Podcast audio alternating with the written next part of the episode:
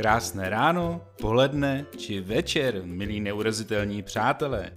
Mé jméno je Jarda Jirák a mám ohromnou radost, že vás můžu přivítat v naší audioposluchárně večerů na FFUK, která je otevřená všem, kdo odmítají stát na místě, znají opojnou chuť vzrušení z nového dobrodružství a chtějí se nadšeně rozeběhnout k bráně poznání, aby odhalili tajemství skrytá za ní.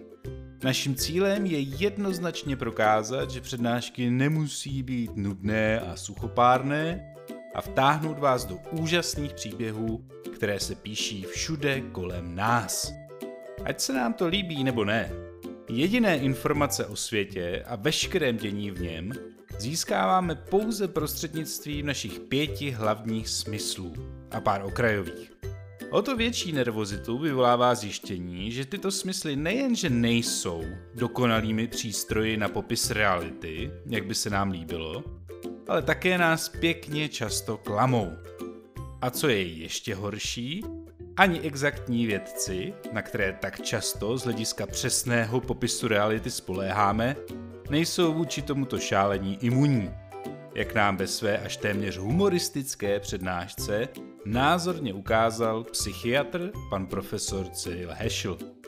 Pan profesor nenechal nikoho na pochybách, proč patří mezi nejoblíbenější popularizátory vědy u nás a dozvěděli jsme se díky němu například, jak lze u vašich známých a blízkých rychlým testem odhalit naprostou ztrátu soudnosti, smutný důvod, kvůli kterému nebudeme nikdy nic vědět s absolutní jistotou, poděkujte vědě, a proč bychom neměli věřit vůbec ničemu a ve který okamžik s důvěrou teprve opatrně začít.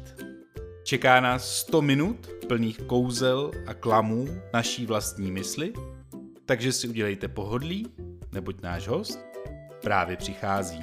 Dámy a pánové, prosím přivítejte pana Cyrila Hešla. Takže vážení přátelé, dobrý večer.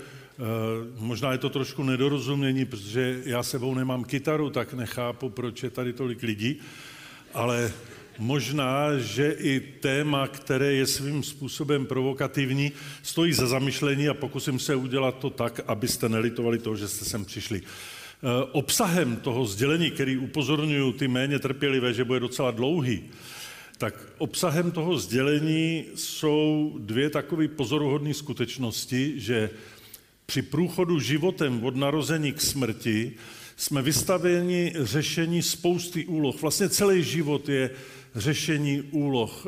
Life is a problem solving process. Ale eh, k tomu potřebujeme se trošku v tom světě vyznat.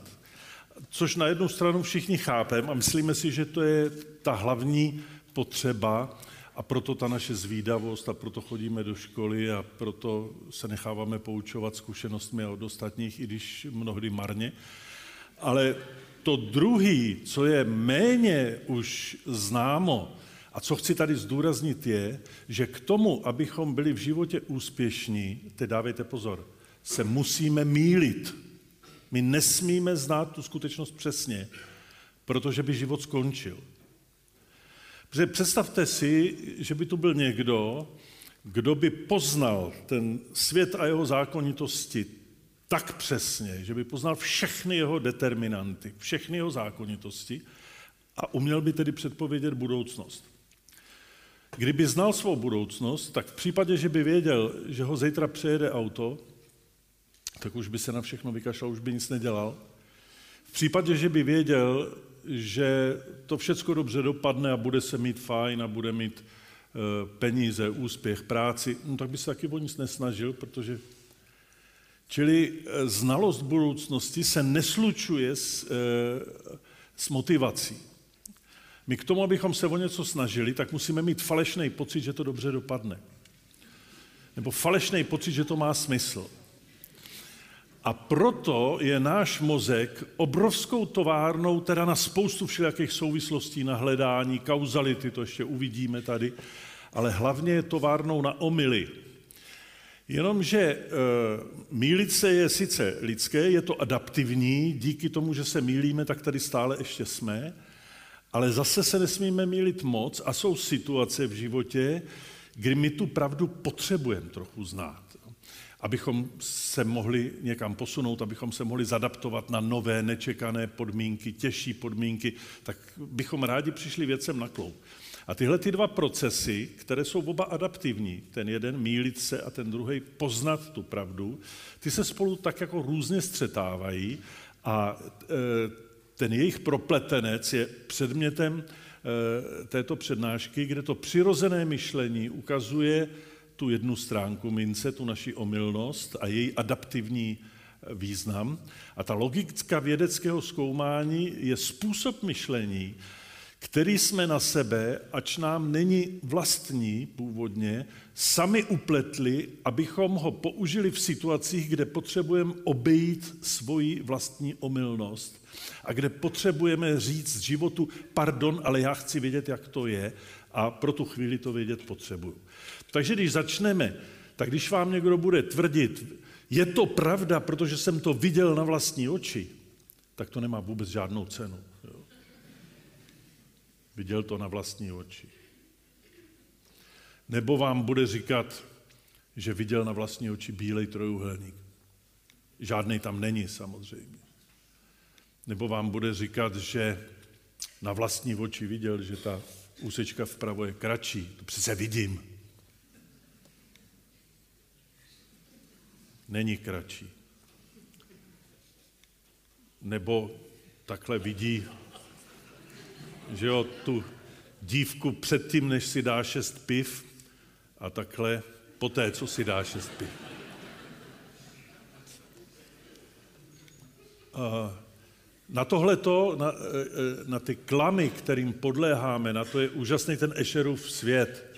Že Maurits Cornelis Escher byl holandský kreslíř a grafik, který zobrazoval právě paradoxy perspektivního kreslení a všelijaký topologický útvary a rozvržení roviny a využíval teselace, teselace z anglického tes, tesleis, to je takovýto kladení vzorů na plochu, které se ani nepřekrývají, ani mezi nimi není mezera a zcela tu plochu pokrývají.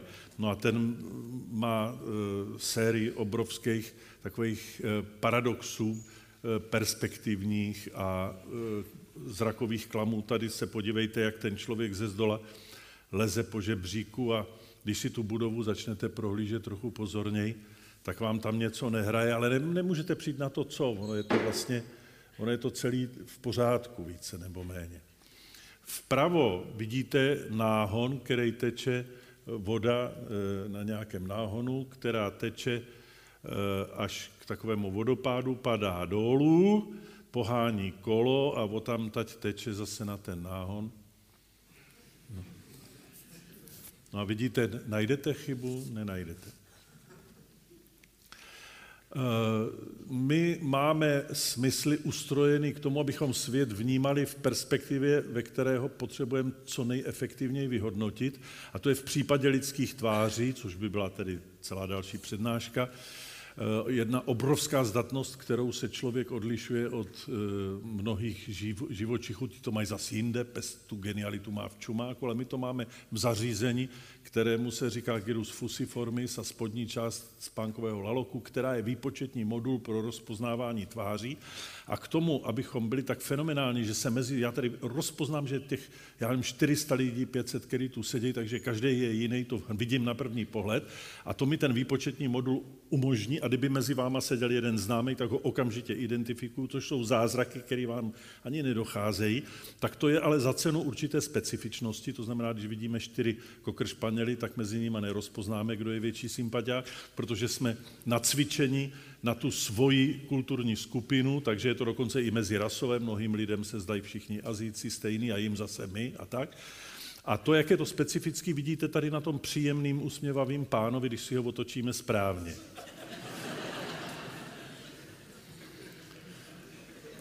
Tohle to platí e, i ve zvuku, což si myslím, že tady nebude slyšet, protože jsme tam nějak zapomněli zapojit zvuk, ale to nevadí. Věřte mi, to je stupnice, která stoupá na, neustále nahoru jako po schodech a neopustí sluchové pásmo. Prostě pořád to slyší a pořád to stoupá.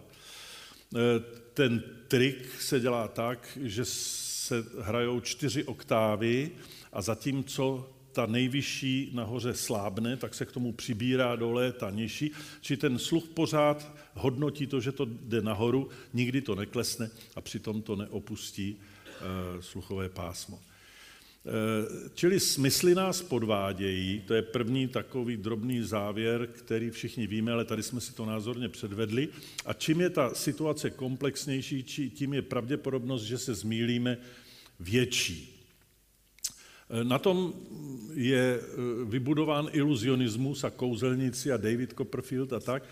A na to, jak strašně snadno podlehnete konspiračním teoriím a naprostým nesmyslům, to si tady teď předvedem na jednom kouzlu, který mnozí z vás znáte, tak ti, co ho znají, tak nám to nebudou kazit a budou chvíli sticha a ti, co to neznají, tak si to teď se mnou zahrajou. Čili tady na tom obrázku teď uvidíte eh, za chvíli to, jak eh, tenhle ten počítač telepaticky dokáže ovládat vaše myšlení. Proto, aby to na vás působilo, tak je to takhle červený. Takže pohodlně se usaďte, nerozčilujte se ničím, soustřeďte se na to. A tady vidíte teď šest karet. Tak si prosím vás jednu kartu vyberte, nikomu to neříkejte, zejména ne mně, vyberte si jednu kartu, zapamatujte si, jak to písmenko, tak ten, to, jestli je to kára, nebo list, nebo pík, nebo co, prostě si zapamatujte a opravdu se ujistěte, že si tu svoji kartu pamatujete. Jo? Jestli už ji máte a pamatujete si ji, tak si to v duchu zopakujte, která to je, jaký má písmeno, jaký má to. Teď se přenášejí ty myšlenky. A teď ten počítač tu vaši kartu vytáh, takže tam není.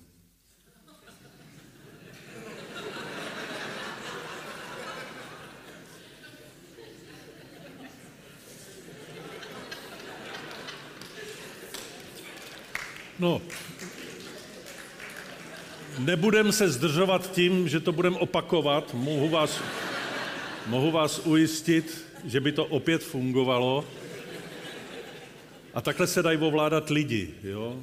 To je poměrně snadný. Uh, pojďme to vzít teď trošku vážně. Uh, v čem jako spočívá ta naše omylnost? Tahle ta rovnice matematická, která vypadá na první pohled tak jako vošklivě, protože je to rovnice z oblasti množin, ta e, v podstatě neříká nic jiného, než to, co je dole napsáno, že předpokládaná hodnota něčeho, co pro vás má být třeba, já nevím, chcete si koupit nový e, kabát, nebo chcete vyhrát něco v loterii, nebo cokoliv takového, tak ta se rovná pravděpodobnosti, že se vám to podaří, krát ceny, kterou to pro vás má.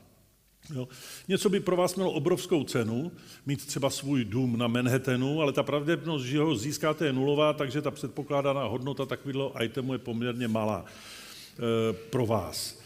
E, tomu se říká Bernoulliho rovnice. Notabene ten Daniel Bernoulli je ten pán vpravo, vypadá trošku jako příbuzný Johana Sebastiana Bacha, ale není.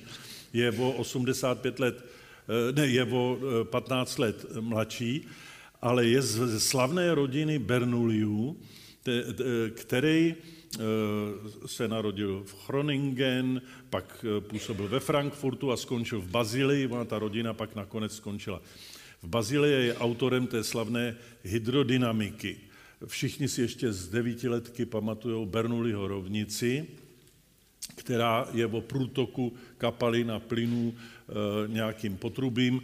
Mimo jiné e, si určitě pamatujete na to, že když máte potrubí, který se zúží a pak se zase rozšíří a tím potrubím se žene voda, tak tam, co je širší, se žene pomalej, v tom zúžení se žene rychleji, protože stejný objem vody se musí dostat na to místo, e, takže musí jít mnohem rychleji než pak zase, a to souvisí s tím, že tam, co to teče rychleji, je menší tlak a obráceně, tak to jsou Bernoulliho rovnice, ty pocházejí z rodiny Bernoulliů, ale není to tak jednoduchý, jak jste si možná z té školy, z té devítiletky přinesli, protože tenhle ten Daniel Bernoulli je syn Johana Bernoulliho.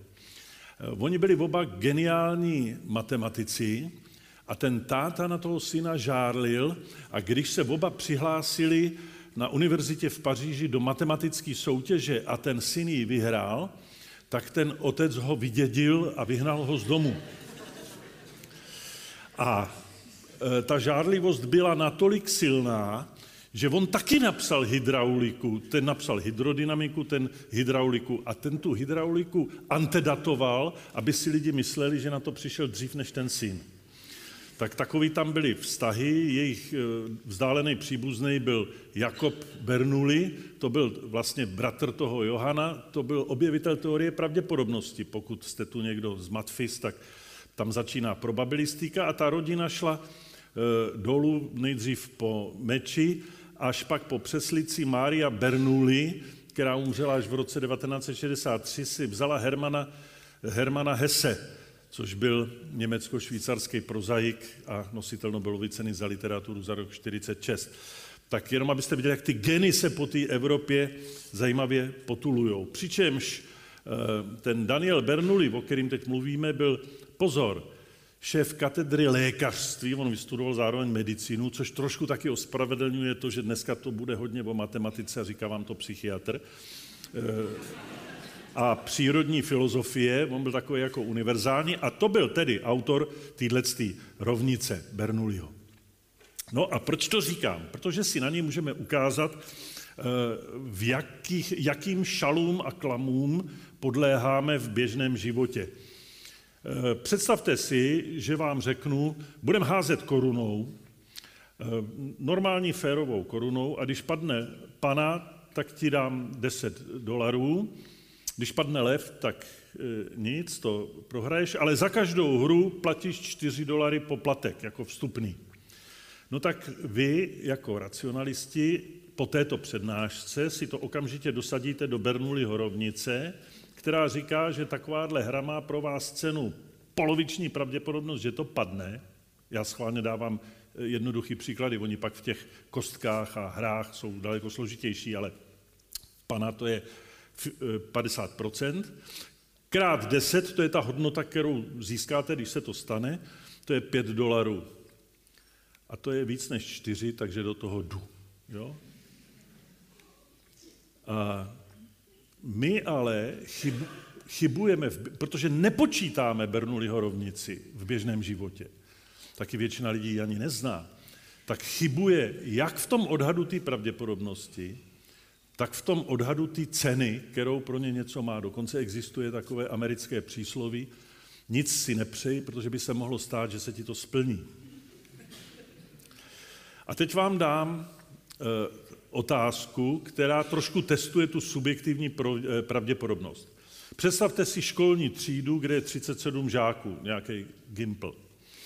Eh, z pravidla se dělají eh, multiple choice testy, ty testy s více odpověďmi, kde zaškrtáváte jednu správnou nebo dvě správné a tak. Ale já, abych to zjednodušil, abychom se pohnuli dneska večer, tak to všechno zjednodušuju, takže veme, že teda ten test bude mít jenom 10 otázek a budou jenom ano nebo ne. Jo? Čili budete mít odpovědět A je dobře za A nebo za B. 10 otázek. Moje otázka zní, kolik si myslíte, že by e, bylo ve třídě jedničkářů, přičemž jedničku budeme dávat za e, více než 80% správných odpovědí, tak kolik by bylo ve třídě jedničkářů, kdyby ten test vůbec neznali, on byl třeba v čínštině, a, a, a jenom by si házeli korunou. Kolik by tam bylo jedničkářů? Typněte si. To může zakřičet, to je stejně to anonymní. Nikdo vám to nebude počítat. Správně, tady se ozval matematik. Eh, podívejte, to, že máte eh, eh, všech deset otázek správně, to lze udělat jenom jedním způsobem. To, že máte devět otázek správně, to lze udělat deseti způsoby, protože každá z nich může být špatně. Jo? Takže máte deset setů správných devítek, jestli je to mi rozumět.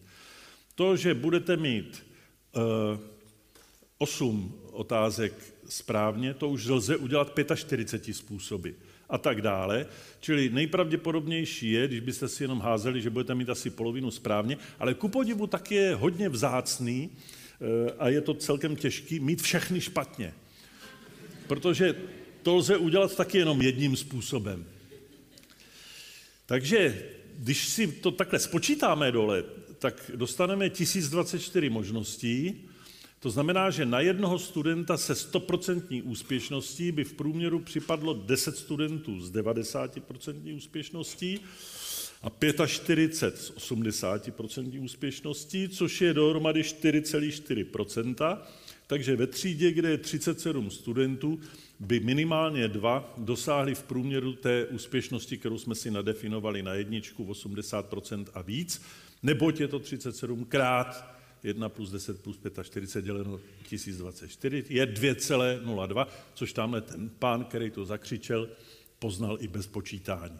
To mě připomíná Dawkinse, který říká, že když eh, hodíme kámen do okna, tak to vypadá, jako kdybychom počítali balistickou dráhu. Nikdo to nedělá a přesto ten organismus se chová, jako kdyby spočítal. Tak tady to byl krásný eh, toho doklad. Tak. Teď nám to trošku zamrzlo, asi. Tak, dobrý. Další otázka zní, Potkáte v, v Praze na vodítku víc prasat nebo psů? No teď se zasmějete, ha, ha, ha, no to je jasný, že psů. Jo, to je pravda. Ale pojďme dál. Co myslíte? Víc slov začíná na R, anebo víc slov má R na třetím místě? Jo? A v tom prvním případě ten hypokampus, který štosuje vaše eh, zkušenosti, to jsou vlastně, to je databáze, kterou máte v mozku, ten se prohledává jak kartotéka, tak hned přemýšlel, když jste viděli prase na vodítku, zjistili jste, že nikdy nebo jednou, ale psa hned vám nahlásil, že jste už viděli párkrát, takže jste měli hned odpověď. Ale ta slova umí ten hypokampus prohledávat jenom podle prvního písmene, tak jste s touhle otázkou v trapu. Takže raketa, rádio, radar, ryba, notabene velmi brzo se to vyčerpá, to si zkuste, jak ještě byste dlouho... Ale ku podivu, na třetím místě, když si dáte práci, jo, takový ty jako zmrzlina, xerox a tak, to musíte zapnout mozek a pak zjistíte, že jich je mnohem víc. A to intuitivně je přesně v obráceně. A tady už jsme u toho, že když použijeme nějakou metodu, jak obejít svou intuici, tak dostáváme jiný výsledky a jiný predikce, než když dáme na ten svůj takzvaný zdravý selský rozum. Ale ne vždycky. Eh, Dan Gilbert, který tohleto přednášel kdysi na TEDu, eh, který se těma těma věcma zabývá, tak eh, udělal takový zajímavý pokus, že rozdal američanům dotazník, ve kterým takovým poměrně velkému souboru, kde se jich ptal, kolik myslíte, kolik si myslíte, kdybych já tady rozdal teď dotazník, kolik si myslíte, že zemře za rok, tady bych řekl Čechů, on řekl Američanů, následkem tornáda, následkem požáru, následkem třeba astmatického záchvatu, nebo se utopí v bazénu.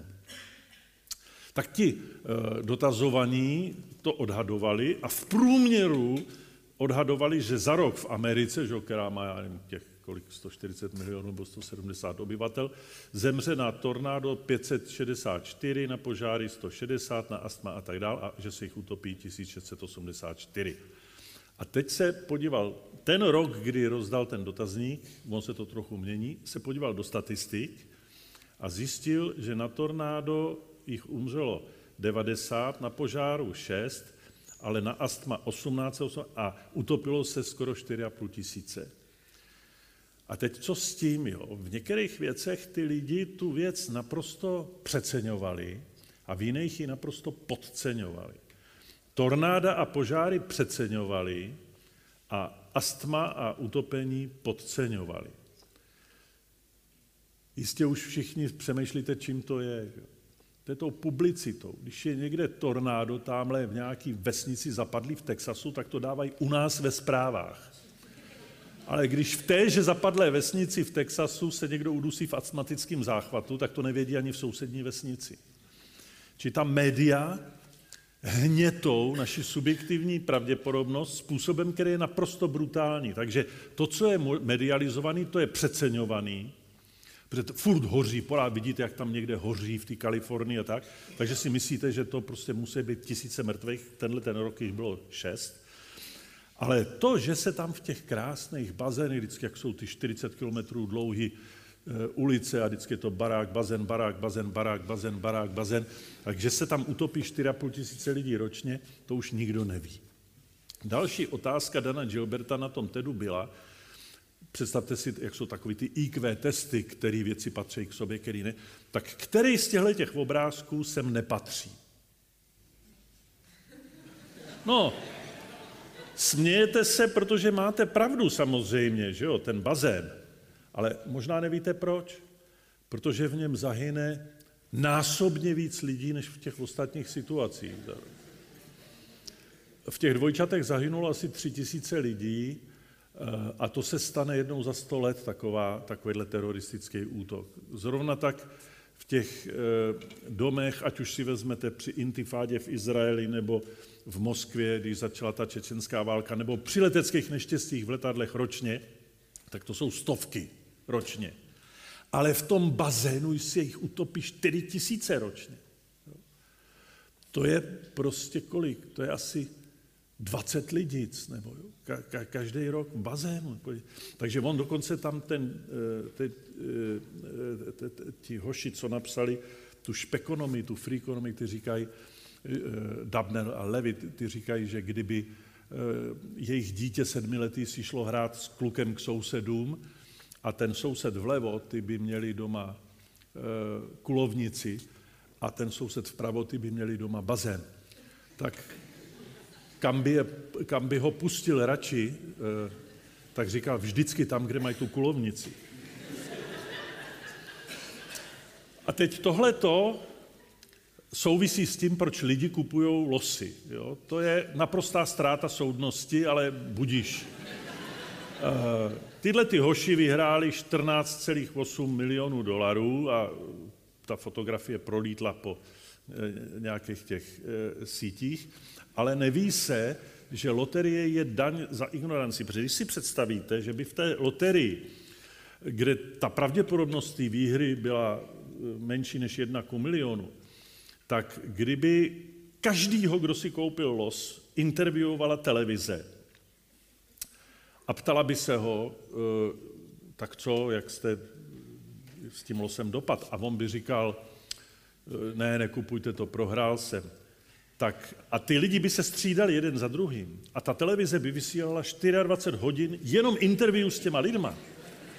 Tak by skoro 10 let říkali, nedělejte to, prohrál jsem. A jednou za skoro 10 let by jeden řekl, že vyhrál. Eh, to, že nadhodnocujeme své šance a proto si koupíme takovýhle los, to má obrovský evoluční význam, protože eh, lidi mají pocit, že má smysl se o něco snažit, že eh, vyštuduju, pak budu mít nějakou práci a založím rodinu a koupím si dům a budu cestovat a já nevím co všecko. Kdyby věděl, což je většinou pravda, že ho z té školy vyhoděj, šéf bude debil, manželka se s ním rozvede, děti budou na drogách, eh, ve 40 spáchá sebevraždu, no tak už by se o nic nesnažil. Či on, my musíme mít v sobě biologicky pocit, že věci půjdou líp, než ve skutečnosti půjdou. To krásně uh, ukazuje Karel Jaromír Erben v Kytici.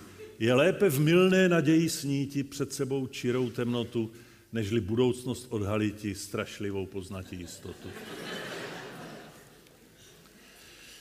Další takový mechanismus si ukažme na takový malý kanceláři, kde je tady, já nevím, 10-20 lidí, to je jedno, a e, tam někdo prodá 10 e, losů a ví se, že jeden z nich vyhraje a ty losy stojí dolar a ta výhra je 20 dolarů. Otázka zní, jestli do toho jít nebo nejít. Vy už po této přednášce víte, že stojí za to si spočítat Bernoulliho rovnici. Ta hodnota pro vás je desetina, je šance, že ten los padne na vás. Má cenu 20 dolarů, takže ta hodnota pro vás je 2 dolary a vy za ní dáváte dolar, takže do toho jdete. A teď se vás zeptám, za těchto okolností. Úplně stejný případ, akorát, že devět losů koupí jenom jeden váš kolega z těch všech. Jenom jeden koupí devět losů a zbyde tam jeden. A otázka zní, koupíte si ho?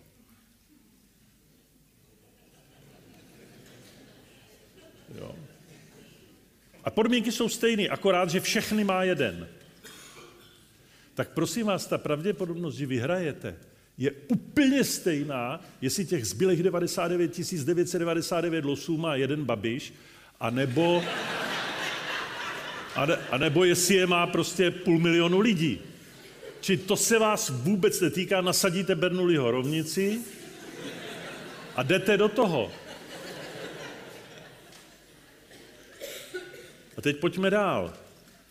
Představte si, že máte našetřeno, jste středně chudý, máte, máte našetřeno 15 tisíc korun a strašně toužíte jet na nějaký tady ostrůvek Chorvatsku nebo někde v Řecku do moře a ten zájezd mají všude v té cestovce vedle za rohem za 20 tisíc, což je pro vás nedostupný, protože už byste měli na činži, na tohle, na inkaso. A jednoho dne jdete a oni tam mají last minute za 16 tisíc. No tak neber to, že jo. Tak v tomhle případě to je jasná zpráva. A teď představte si jinou situaci, že tam je ten zájezd za 20 tisíc, vy tam přijdete v pátek a mají ho za 7 tisíc. Je tam ve výkladní skříni last minute 7 tisíc. Zavřou vám před nosem a říká, ne, prosím vás, já mám to je takový, ten, dobře ne, ale my už tady vidíte, máme zavřenou kasu, přijďte v pondělí ráno. A vy přijdete v pondělí ráno a ona vám řekne, no, ten za sedm už tam, ale ještě tady mám jeden vrácený za patnáct.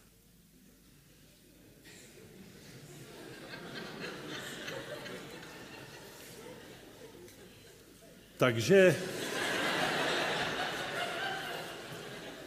to, že mohl být za sedm, to vás tak na séře že vůbec neberete v úvahu, že to je ještě mnohem lepší než těch 16, že jo?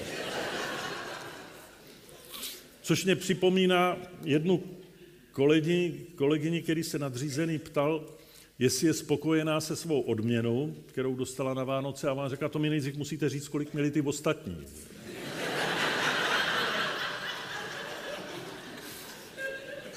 A teď si pojďme říct, věci, které začnou triviálně a uvidíte, jak se zamotají. Takhle vznikly futures. Tak první by se dala vyjádřit takovým motem, že víc je líp než míň, to je moudrost, že jo. Uděláte mi nějakou práci, pomůžete mi, já nevím, co v baráku, něco přitlučete mi na zdi, vrtáte moždinky a já, já řeknu, hele, eh, já ti můžu dát eh, buď 500 korun, tady mám pětistovku, nebo mám ještě stovku, můžu ti dát 600. No tak to je triviální úloha, tak samozřejmě bere 600, že jo? Víc je lépe než méně. No, ale teď pozor. Teď já řeknu, hele, eh, já ti můžu těch 600 dát teď, ale já je ještě budu zítra potřebovat a to nepočkal bys mi, já bych ti je dal za měsíc. Tady je moto dřív je líp než později, co já vím, co bude za měsíc, zapomene na to, přejede ho auto, radši teď. Čili tak těch 600, ale radši teď než za měsíc. A teď to pojďme trošku skombinovat. Buď ti dám 500 teď, nebo 600 za měsíc. A když ten rozdíl nastavíte v tom čase a v té hodnotě správně, tak dostanete toho člověka do konfliktu. Jo? Tohle třeba není zrovna dobře zvolený, ale když se vám to nezdá, tak si to upravte. Tak si řekněte 550 teď nebo 600 za měsíc nebo 580 teď, nebo 600 za měsíc. Prostě ta doba má pro vás určitou hodnotu a do té se lze strefit tím rozdílem a udělat z toho pekelný dilema. Takže vy řeknete, že samozřejmě radši 500 teď, než 600 za měsíc, co já uvidím, nebo si tam můžete dosadit za rok. Ale když vám řeknu, 500 teď, ne, 500 za rok, teď ti nemůžu dát nic, ale za rok ti dám 500, a nebo když mi počkáš o měsíc díl, tak za 13 měsíců ti dám 600. A v tuhletu, zatímco v tom prvním případě jste chtěli malá domů, tak jako jestli je to za 12 měsíců nebo za 13, to už je jedno, to radši těch 600. Protože když je ten měsíc blízko, tak má pro vás hodnotu té stovky. Zatímco když je daleko, tak vám připadá bezcenej. Čili v čase platí perspektiva stejně jako v prostoru. Když vám teď řeknu, že jsou dvě vesnice v Austrálii a že ten z té jedné jezdí na večeři do té druhé, tak si představíte prostě, dobře, no tak jako sousední vesnice, pět kiláků. A když vám řeknu, že to je 500 kiláků, tak si myslíte, že to je nesmysl. Ale ta Austrálie je celá tak daleko, že představa, že z Melbourne do Sydney letíte letadlem jako z Prahy do Moskvy, to je absurdní. Čili s tou perspektivou se zkracují vzdálenosti, ale zrovna tak i hodnoty a zrovna tak i čas. Čas má stejnou perspektivu jako prostor. Tak, a teď trošku z jiné ošatky. Slíbil jsem, že se občas my omylní, o čemž to až dosud bylo, dostaneme do situace, kdy potřebujeme ve vlastním zájmu vědět, jak to je doopravdy a nechceme se mailit. A tady začátek, a teď si ohříváme svou medicínskou polivčičku, začátek sahá do 17. století, do spisu e, belgického rebela a lékaře Jean-Baptiste van Elmonta, který ho sepsal ve spise Oriatrik, který vyšel v Londýně, kde je taková sázka s jeho oponentama, kdy on říká, vezměme z nemocnic táboru nebo odkudkoliv 200 nebo 500 ubožáků, který mají horečky, záněty, pohrudnice a tak, rozdělme je na polovinu a hoďme si kostkou tak, že jedna polovina případne mě, druhá vám. A já je budu léčit bez těch vašich pouštění, žilou, odsávání a tak. A vy si s nima dělejte, co uznáte za vhodný a uvidíme, kolik každý z nás bude mít pohřbů. A nechť odměna za soupeření nebo sásku a na výdaje je 300 florintů složených každou stranou. Tak takhle ta sázka jako vypadá. A ta do dneška je vlastně kodifikovaný, kontrolovaný klinický pokus vezměme z nemocnic z táboru, kdo vezměme my, to jsme řešitelé projektu, nemocnice tábory, to je catchment area, to je výběr subjektů, 200 nebo 500 je velikost souboru, nebo žáků, který mají horečky, a to jsou vstupní kritéria, záněty pohrudnice. Hoďme si kostkou, komu kdo připadne, to je randomizace, notabene docela dobrá i dneska tak, aby jedna padla eh, mně, druhá vám, a já je budu léčit bez toho pouštění žil, a to jsou ty testované intervence, a vy si s nima dělejte, co chcete, a podíváme se, kolik každý z nás bude mít pohřbů. To je, eh, to je outcome measure, to je kritérium účinnosti. A těch 300 florintů, to jsou honoráře, náklady, výdaje. Takhle vypadá grantová žádost do dneška.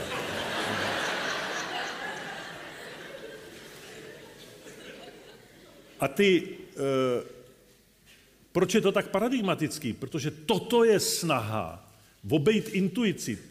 A ta intuice v léčitelství, který je obrovskou součástí medicíny, asi jako astrologie byla součástí astronomie a alchymie byla součástí chemie, než se to oddělilo, má obrovský sklon k tomu, Eh, na základě jednotlivých zkušeností něčemu věřit. Tamhle tomu pustili žilou, jemu se ulevilo, on to řekl sousedce a každý chce pouštět žilou, ale nikdo se nezamyslí nad tím, jestli to opravdu funguje. A tohle byl první pokus to nějak otestovat.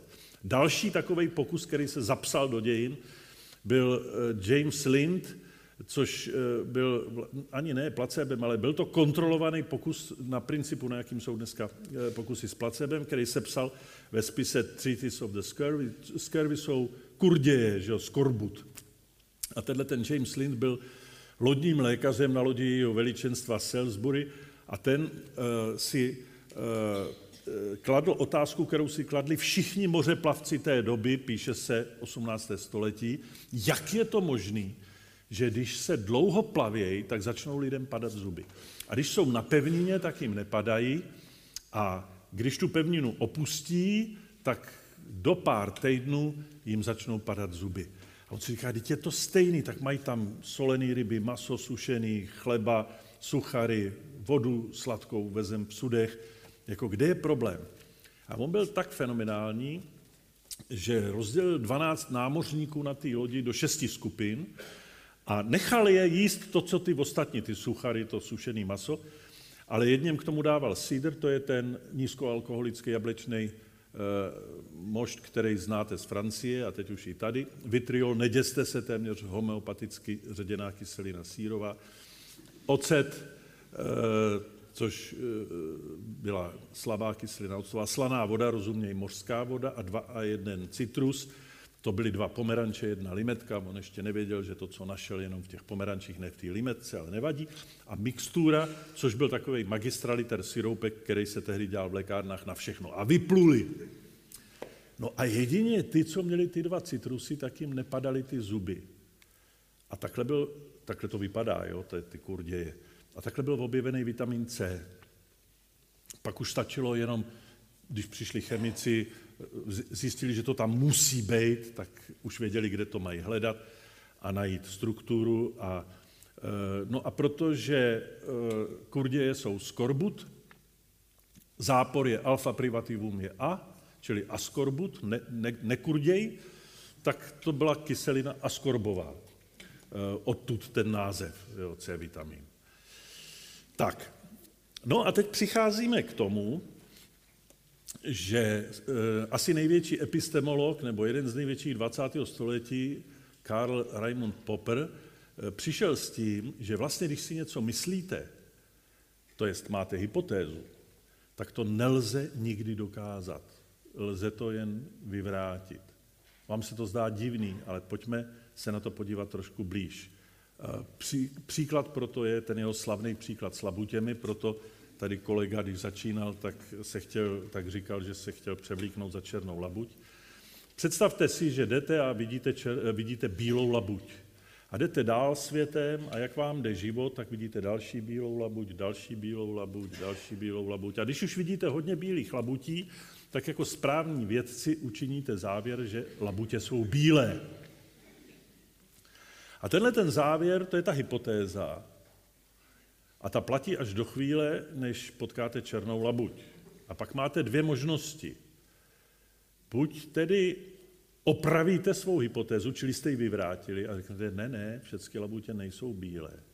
A nebo tu svou hypotézu imunizujete a řeknete, všechny labutě jsou bílé, protože tohleto černý není labuť, jelikož je to černý.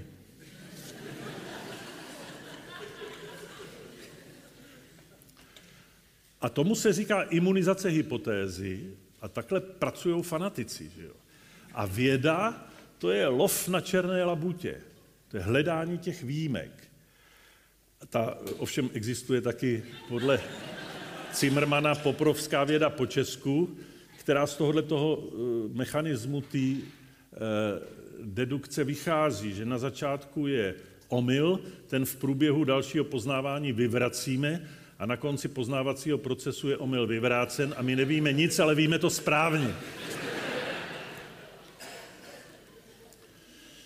Eh, jak to vypadá eh, ve farmakologii? Eh, to, co jsem naznačil tím Van Elmontem, to je princip, na kterém jsou vybudovány dvojitě slepé placebem anebo srovnávanou látkou kontrolované studie. To znamená, že lék nový, který se zkouší, tak jedné skupině se dá třeba ten, který už je zaběhlý, druhé skupině se dá placebo, čili neúčinně tabletka, dbá se na to, aby vypadala úplně stejně, jako ten, který se testuje. A ani ten, kdo to podává, jenom ten, kdo to zašifroval a označil čísly, ten to ví a nesmí s nima přijít do styku. A ten, kdo to podává, protože už to, jak to dáváte, jak se koukáte, z toho by mohl někdo vyčíst, jako, že víte, jestli to má nebo nemá fungovat, tak ten neví, co to je, co vám podává, ten, kdo to dostává, to taky neví, protože je to dvojitě slepé. No a teď běží čas a hodnotí se efekty, pak se to rozklíčuje na konci, co bylo co, kdo byl kdo a teď se vidí, jestli to opravdu funguje nebo ne. Tak tímhle způsobem jakýsi Harris a spolupracovníci publikovali to v, ar, eh, v archivech vnitřního lékařství v Americe v roce 99, testovali léčebné účinky modlitby.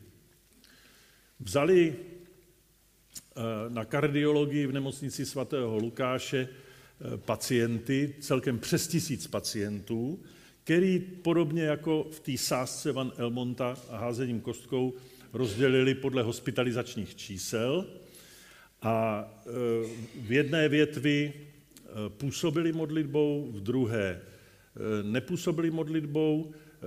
Výsledky, nebo to podle čeho se posuzoval úspěch, to byla Mid America Heart Institute, CCU je Cardiac Care Unit, čili byl to kardiologický institut středoamerický a stupnice vyvinutá pro jednotku intenzivní péče kardiologickou a ta obsahuje různé položky, některé ještě uvidíte, a těma se posuzoval výsledek.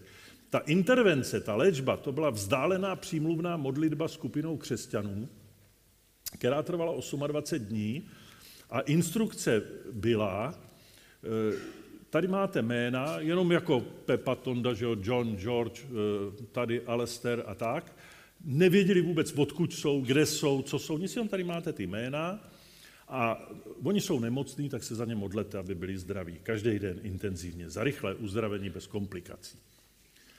No a bylo to tak zaslepený, že ty pacienti vůbec nevěděli, že jsou předmětem nějakého pokusu, že se za ně někdo modlí a ty, co se modlili, tak neznali ty lidi osobně, znali jenom jména. No a výsledek byl ten, že na statisticky významné hladině významnosti, nižší než 4% došlo k 11% redukci v tom skóre té stupnice eh, cardiac care unit u těch léčených oproti těm neléčeným. A v jiných položkách, eh, v některých to bylo, v některých to nebylo. Ale měli třeba méně městnavého srdečního selhání, to je z těch komplikací, za jejich eh, nevýskyt se modlili ty modliči méně zápalů plic, menší spotřebu diuretik, který se musí dávat na ty otoky a antibiotik, který se musí dávat na ty komplikace a tak dále. Tak eh, tenhle ten pokus inspiroval eh, ďábelskou skupinu kolem Líbovičiho, nebo Lajbovičiho, který vzal necelých 3,5 tisíce pacientů s klinickými příznaky sepse, a pozor, Sepse to je otrava krve, česky řečeno, na to se umírá, z lékařského střediska v Petach Tikva v Izraeli.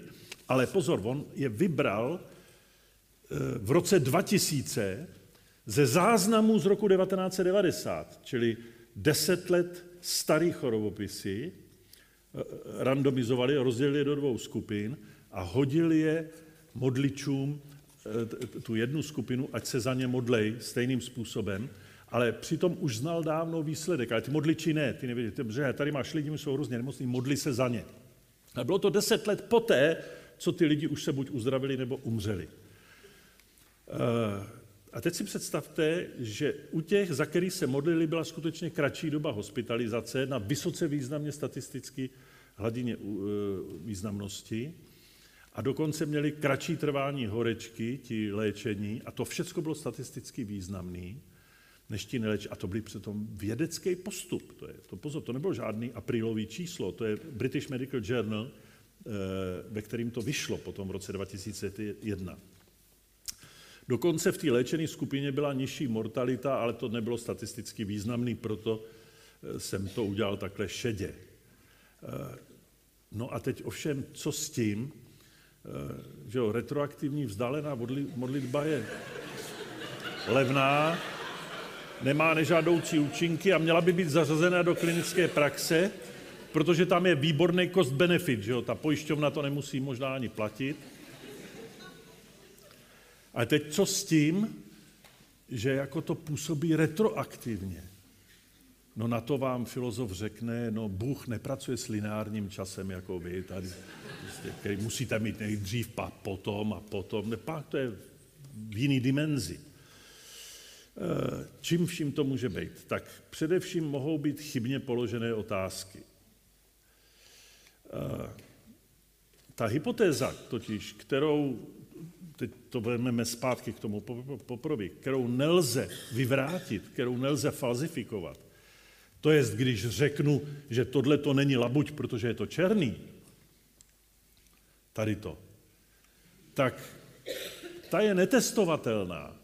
Proti tomu se nedá nic namítnout. To je jako když se dneska astronom Grigar baví s astrologem nebo s věštkyní. To jsou mimoběžní světy, kde argumenty prostě nemají, mě ho je líto vždycky, to nemá cenu vůbec. Eh, a nedá se to oddiskutovat. Do takových řečí se nemá cenu vůbec pouštět, protože to jsou jiný světy. A Karl Popper říká, jaký je rozdíl, a teď to nemá, u něj to nemá etický znamínko, jaký je rozdíl mezi vědou a pseudovědou. Eh, eh, no ten, že vědec umí definovat, umí předem definovat okolnosti, za kterých nemá pravdu. Jo? Řekne, když to a to nebude splněný, tak se mýlím. Jo? Jestliže to bude černý, tak fakt ty labutě asi nejsou všecky bílí. No a, a tohle definuje ještě dřív, než nějakou černou vidí a nemá s tím pak problém. Kdežto pseudověda vždycky uh, imunizuje svou hypotézu tak, aby nepřestala platit. A on jako takový dva příklady pseudovědy uvádí psychoanalýzu a marxismus. Jo. Třeba psychoanalýza uvádí například, kdy přijdete k psychoanalytikovi, chodíte tam 14 dní a řeknete, no pane doktore, mě, mě už je líp, už jsem začal spát, už se tolik nebojím a on řekne, no vidíte, jak to platí, to je prima a, a zase zítra tady máte číslo účtu a tak. Když přijdete po 14 dnech a řeknete, pane doktore, já vás nenávidím, mě je daleko hůř než předtím, předtím jsem jenom nespal, ale teď se chci zabít, život už nemá cenu mě, já, já už to nevydržím. A on řekne, no tak teď jste v předpokládané fázi odporu, že jo? E, tak vidíte, jak to všecko funguje, tak tamhle je číslo účtu a přijďte zas. Totež marxismus. Marxismus přece postuloval, že revoluce vznikne v nejprůmyslovější zemi, že se jí ujme dělnická třída a já jim co všecko. Nic z toho nebyla pravda. Vznikla ve feudální zemi, byli to mužici, řídil to nějaký filozof. No prostě, eh, ale to jim nevadilo, oni to vůbec neškrtli, oni k tomu jenom udělali pomlčka leninismus a jeli dál. Tomu se říká imunizace. Imunizace hypotézy, to je její záchrana, aby platila i po té, co proti ní už eh, skoro všecko eh, svědčí, ta může být sama o sobě férová a neférová. Férová imunizace je taková, eh, která je sama o sobě testovatelná nebo vyvratitelná, jak říkal Popr, falzifikovatelná. A to skutečně známe z dějin astronomie, v době, kdy naši astronomové znali jenom planety eh, až po Uran a ještě, ještě nevěděli, že existuje Neptun. Eh, spočítali eh, oběžnice, ty oběžnice chodily podle newtonovských, respektive keplerovských zákonů, akorát, že ne úplně přesně. A Oni tu svou hypotézu, že to mají dobře spočítaný, imunizovali tvrzením, to ne, to ne, to my to máme dobře, ty výpočty, ale to je tím, že tam je ještě nějaká planeta, o který my nevíme, kterou nevidíme a ta to dělá. A tudy bychom našli, tak zjistíte, že to je spočítaný dobře. A to zvýšilo úsilí po hledání nějaké planety. A takhle byl objevený Neptun. Skutečně on, kdyby neimunizovali tu svoji kosmologickou hypotézu, tak by zřejmě Neptun byl objevený až později, protože to zvýšilo úsilí tuhle tu imunizaci otestovat. A samozřejmě neférová imunizace je tvrdit, že váš oponent je hlupák, nebo že mu smrdí z pusy, nebo něco takového. Uh, oni to všecko jsou takové hrádky s čertem. Když testujete tu vzdálenou modlitbu a e, nic vám nevíde, ukáže se neúčinná, tak můžete říct, a to, to je ta imunizace, že jo? můžete říct, to, to, ona je účinná, ale Bůh si nepřeje být testován. No. A je to jako s tou černou labutí. Nebo když je účinná, tak řeknete, no vidíte, modlitba léčí. Je to jako ta psychoanalýza. V obojí zachráníte. Jenomže když e, vyšly tyhle ty výsledky toho Harise, tak světe div se, ozvali se numero, numerologové a říkám, to vůbec ne, to je tím, že oni je randomizovali podle hospitalizačních čísel a zjistili, že v té jedné skupině byli lichí a v té druhé sury. No to, je, to, to říkáme dávno, že Pak se ale ozval Van der Deuze, to byl slavný holandský telepat, a ten říká, a to modlitba nebo e, numerologie, nesmysl. Já jsem byl telepaticky od samého začátku informovaný, že probíhá tenhle ten pokus, no tak jsem ho telepaticky ovlivnil. Tohle to ten Van der Deuze tvrdil a hrnuli se mu kšefty tak, že se z něj pak stal v těch guldenech milionář. A epistemologie, což je nauka o pravém poznání, tak ta se trápí rozhodováním o tom, který ten závěr z toho, co tam vidíte nad tím, je lepší a proč. Teď jsme u toho. Takže může být chybná metodologie. Například už ta randomizace, která vypadá jako naprosto férová, třeba podle hospitalizačních čísel nebo házení kostkou nebo tak, nemusí ve skutečnosti úplně férová být. Například, když se řekne jeden vlevo, druhý vpravo, jeden vlevo, druhý vpravo, tak se může stát, že ta sestra pak ty vlevo vodí do prvního patra a ty vpravo do přízemí a hygienická situace je třeba lepší v prvním patře. Čili najednou ta randomizace, která vypadá jako velmi objektivní, vám to bajasuje už na začátku. Takže vy musíte ten pokus testovat na odlišnost už po randomizaci ještě před tím zákrokem. Eh, ta chybná randomizace potom může mít větší vliv než ta retroaktivní modlitba.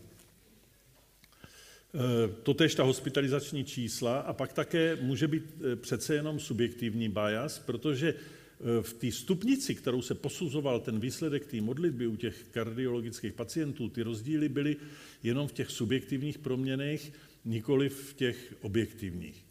Eh, pak může být taky problém trošku v tom, že jde o mnohočetná srovnání. Vy tam máte ženy, muže, starý, mladý a tím, kdybyste chtěli všechny možné okolnosti, které na to mohou mít vliv, zvážit, tak by se vám ten soubor rozpad na řadu skupin, které byste měli mečovat zvlášť. Ovšem v tom případě musíte potom tu statistickou významnost korigovat takzvanou Bonferroniho korekcí, kdy tu významnost dělíte počtem skupin a pak už vám ta pravděpodobnost zdaleka nevíde tak vysoká, jako když tu korekci neuděláte. A to už jsou takové triky, spíš metodologický, spíš pro naše studenty, než abych s tím trápil vás. Ale s něčím vás přece jenom potrápím, protože to se hodí v životě. A to jsou pojmy, jako je u nějakého testu, příznaku, diagnostické známky, senzitivita a specificita. A těch charakteristik je ještě víc. Představte si, a aby to bylo konkrétně, představte si AIDS, třeba takovouhle chorobu nějakou ošklivou, a představte si skutečnost, to znamená, že někdo ten AIDS má, čili je pozitivní, někdo ho nemá, je zdravý, je negativní, a kromě toho se dělá nějaký test a ten test někomu vyjde pozitivní, někomu negativní. A když srovnáte, komu co vyšlo, dostanete takovouhle čtyřpolní tabulku, kdy správně je to, aby těm, co mají AIDS, vyšel taky pozitivní test na AIDS. So far, so good. Takhle by to mělo být ve 100%. Ono to ale není. Občas tu a tam je falešně pozitivní výsledek u lidí, kteří jsou zdraví. To se může stát a je to uměření krevního tlaku, u cholesterolu, u laboratoře, když někam půjdete. To se prostě tu a tam stane. A naopak e, může se stát, že někdo, kdo je zdravý, tak taky e, mu nic nevíde, to je v pořádku, ale e, i ten, kdo je nemocný, tak může mít tu a tam laboratorní chybou falešně negativní výsledek.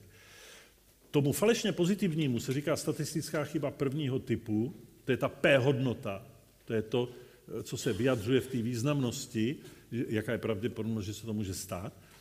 A to, eh, ten falešně negativní výsledek je statistická chyba druhého typu. Aby se to dobře pamatovalo, tak náš kamarád, matematik, psych, eh, matematik psycholog a lékař Radek Bachbouch vymyslel takový příměr, že falešně negativní chyba je Hamlet, to znamená nevidět nebezpečí tam, kde je, a falešně pozitivní je Otelo, vidět tam, kde není.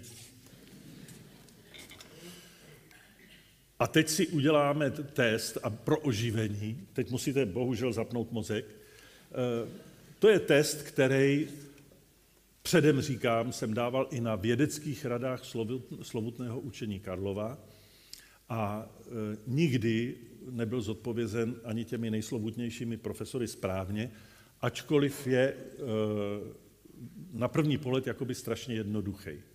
Představte si takovou situaci, za tou nemocí X si můžete představit zase ten AIDS. A e, lidi chodí na vstupní prohlídky, třeba když nastupují do zaměstnání, chodí k doktorovi, čili lidi, kteří nemají žádné příznaky a najednou vám v takovém e, vyšetření screeningovým vyjde pozitivní test na AIDS. E, vy o tom testu víte, prosím vás, tohle není to, to jsou čísla, které jsem symbolicky zjednodušil, aby jsme teď mohli počítat. To není o AIDSu, jo? Eh, tak ten test je takový, řekněme, na, na AIDS, že dává 5% falešně pozitivních výsledků. To znamená, v 5% je pozitivní, i když tu nemoc nemáte. Ale v 95% to sedí. A taky víte, že ta nemoc se v populaci vyskytuje v jednom promile. To znamená, že v celé populaci tou nemocí trpí jenom jeden z tisíce. Jo? A otázka zní, jaká je pravděpodobnost, že když máte pozitivní ten test, takže máte tu nemoc? Je tomu rozumět, tomu zadání? Je tomu rozumět? No, to není... Jeden z tisíce jí má, ale já se ptám, když má pozitivní test, tak jaká je pravděpodobnost, že jí má? Prosím? Na ten test jdou všichni, jako kdyby jsme teď si ho tady udělali. A teď jeden, vy, nedej bože, byste ho měl pozitivní. Jaká je pravděpodobnost, že máte ten AIDS? Za těchto okolností.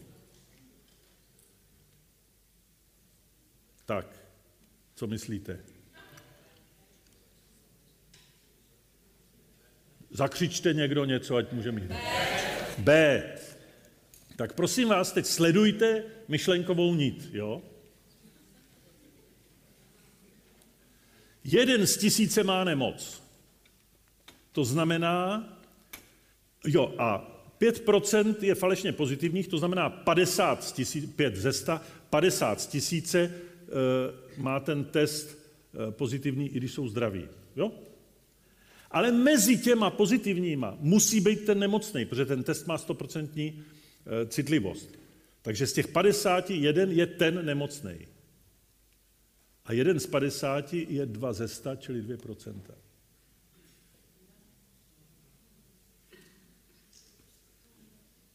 Spokojeni? Nebo mám to vzít znova?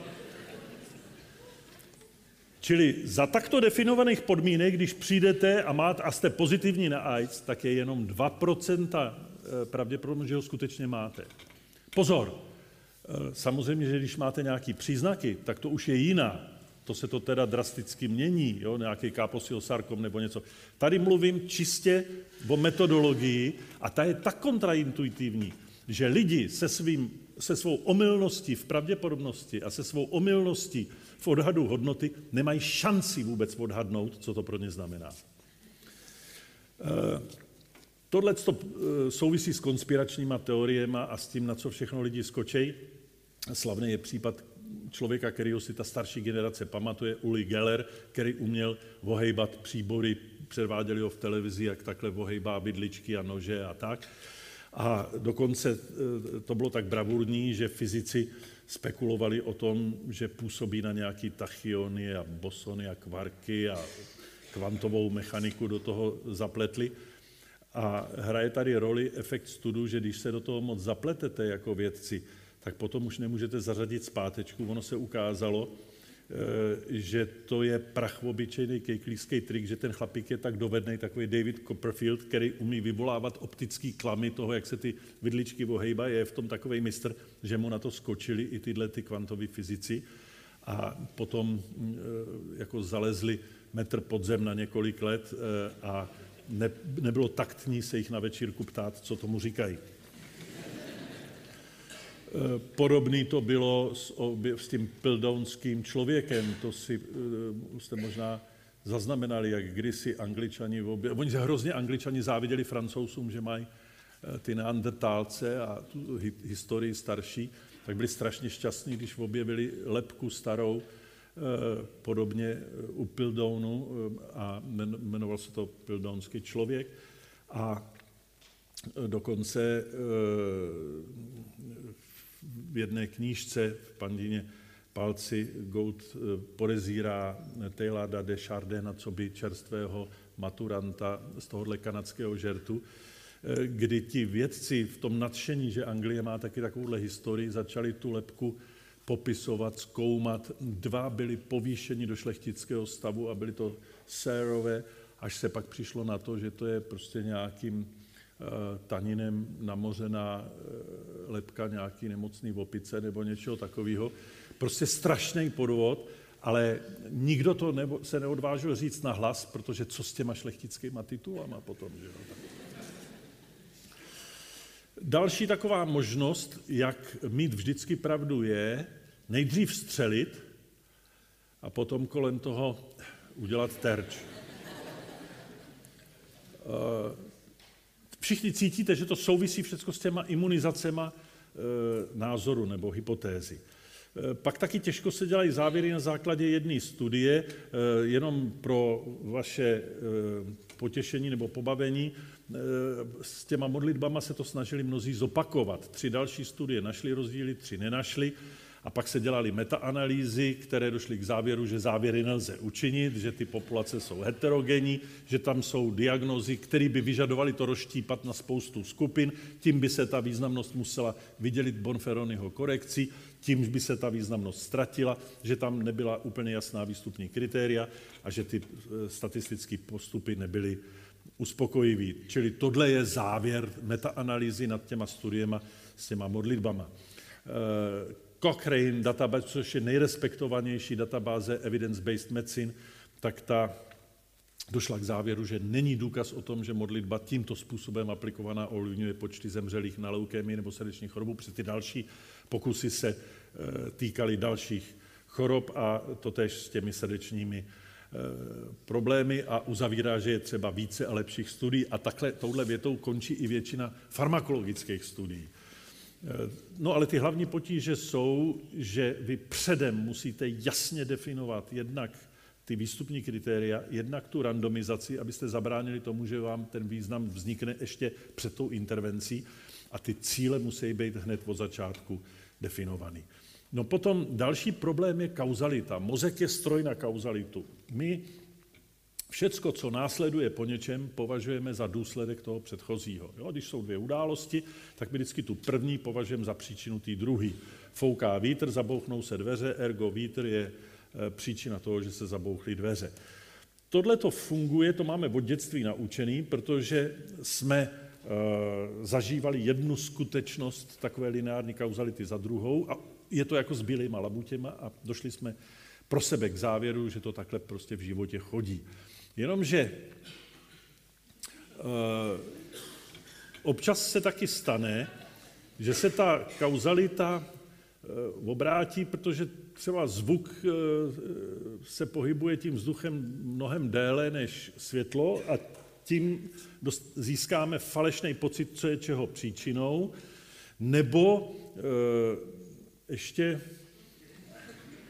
zjistíme, že jedna věc sice vždycky následuje po té předchozí, že kdo má modré oči, tak je nešikovný při s hůlkama, ale špatně to interpretujeme. Ten pes není zakopaný v těch modrých očích, ale v tom, že Azíci nemají modré oči většinou.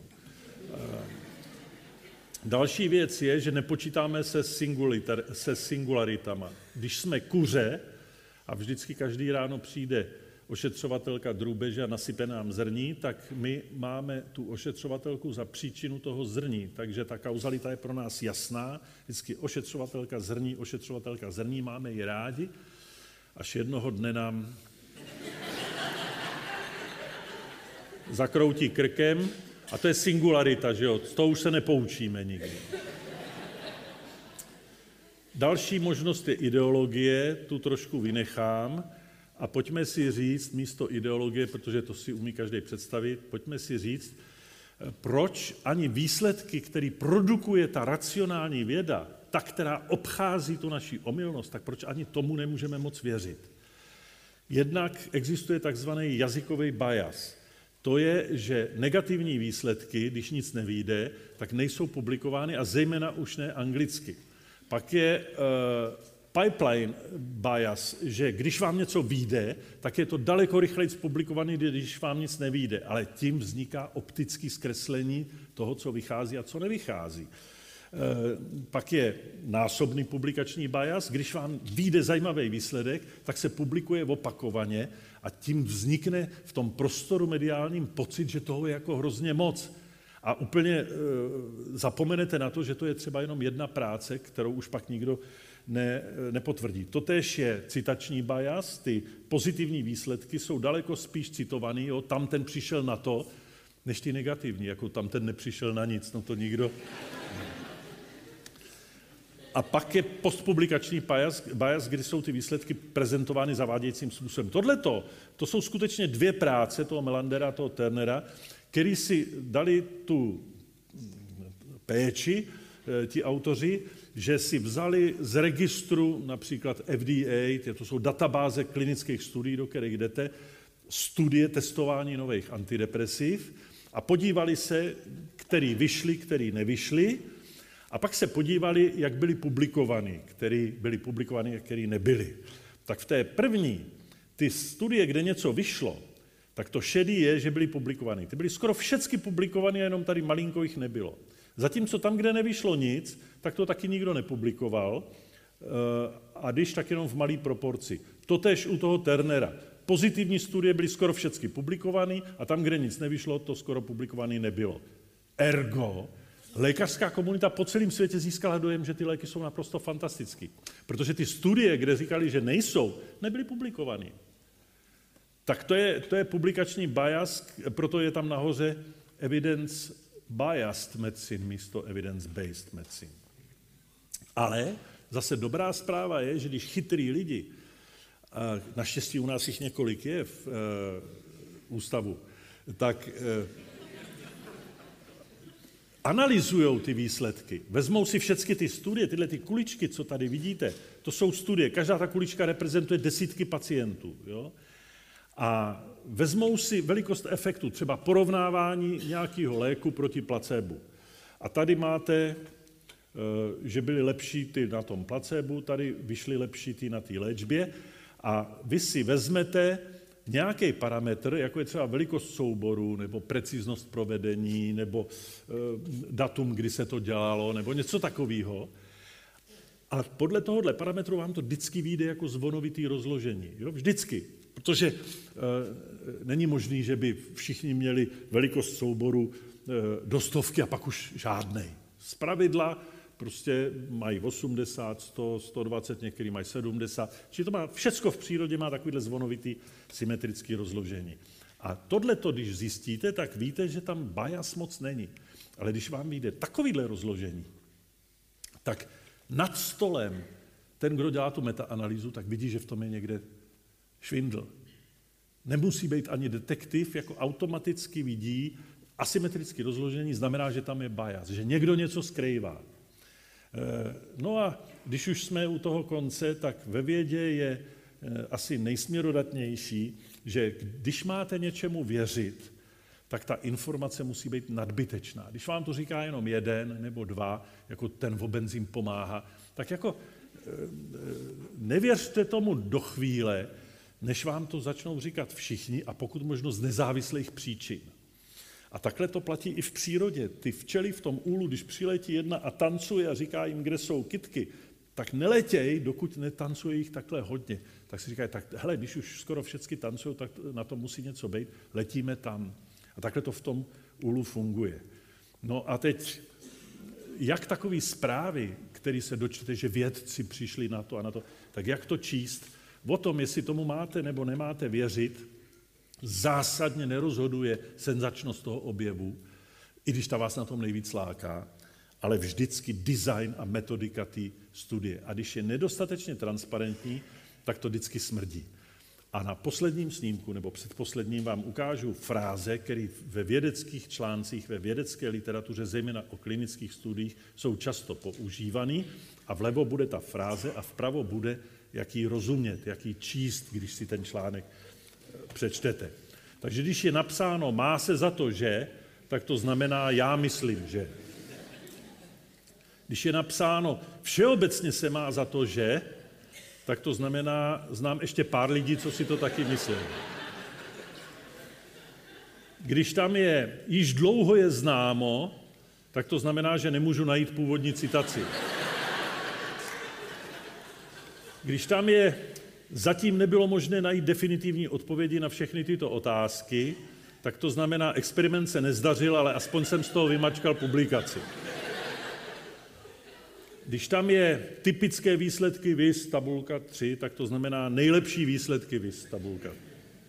A když tam je autor moc děkuje Jacku Smithovi za pomoc při pokusech a Melanie Brownové za její cené rady, tak to znamená, že Jack Smith to všechno udělal, Brownová mi vysvětlila, co to znamená a já mám přednáškové turné. A tak i já děkuji svým kamarádům Tomáši Hájkovi a Pavlu Morovi za laskavé poskytnutí námětu z jejich přednášek Logic of Scientific Discovery a eh, The Mismeasure of Patient, které byly částečně použity v této prezentaci a vám děkuji za pozornost.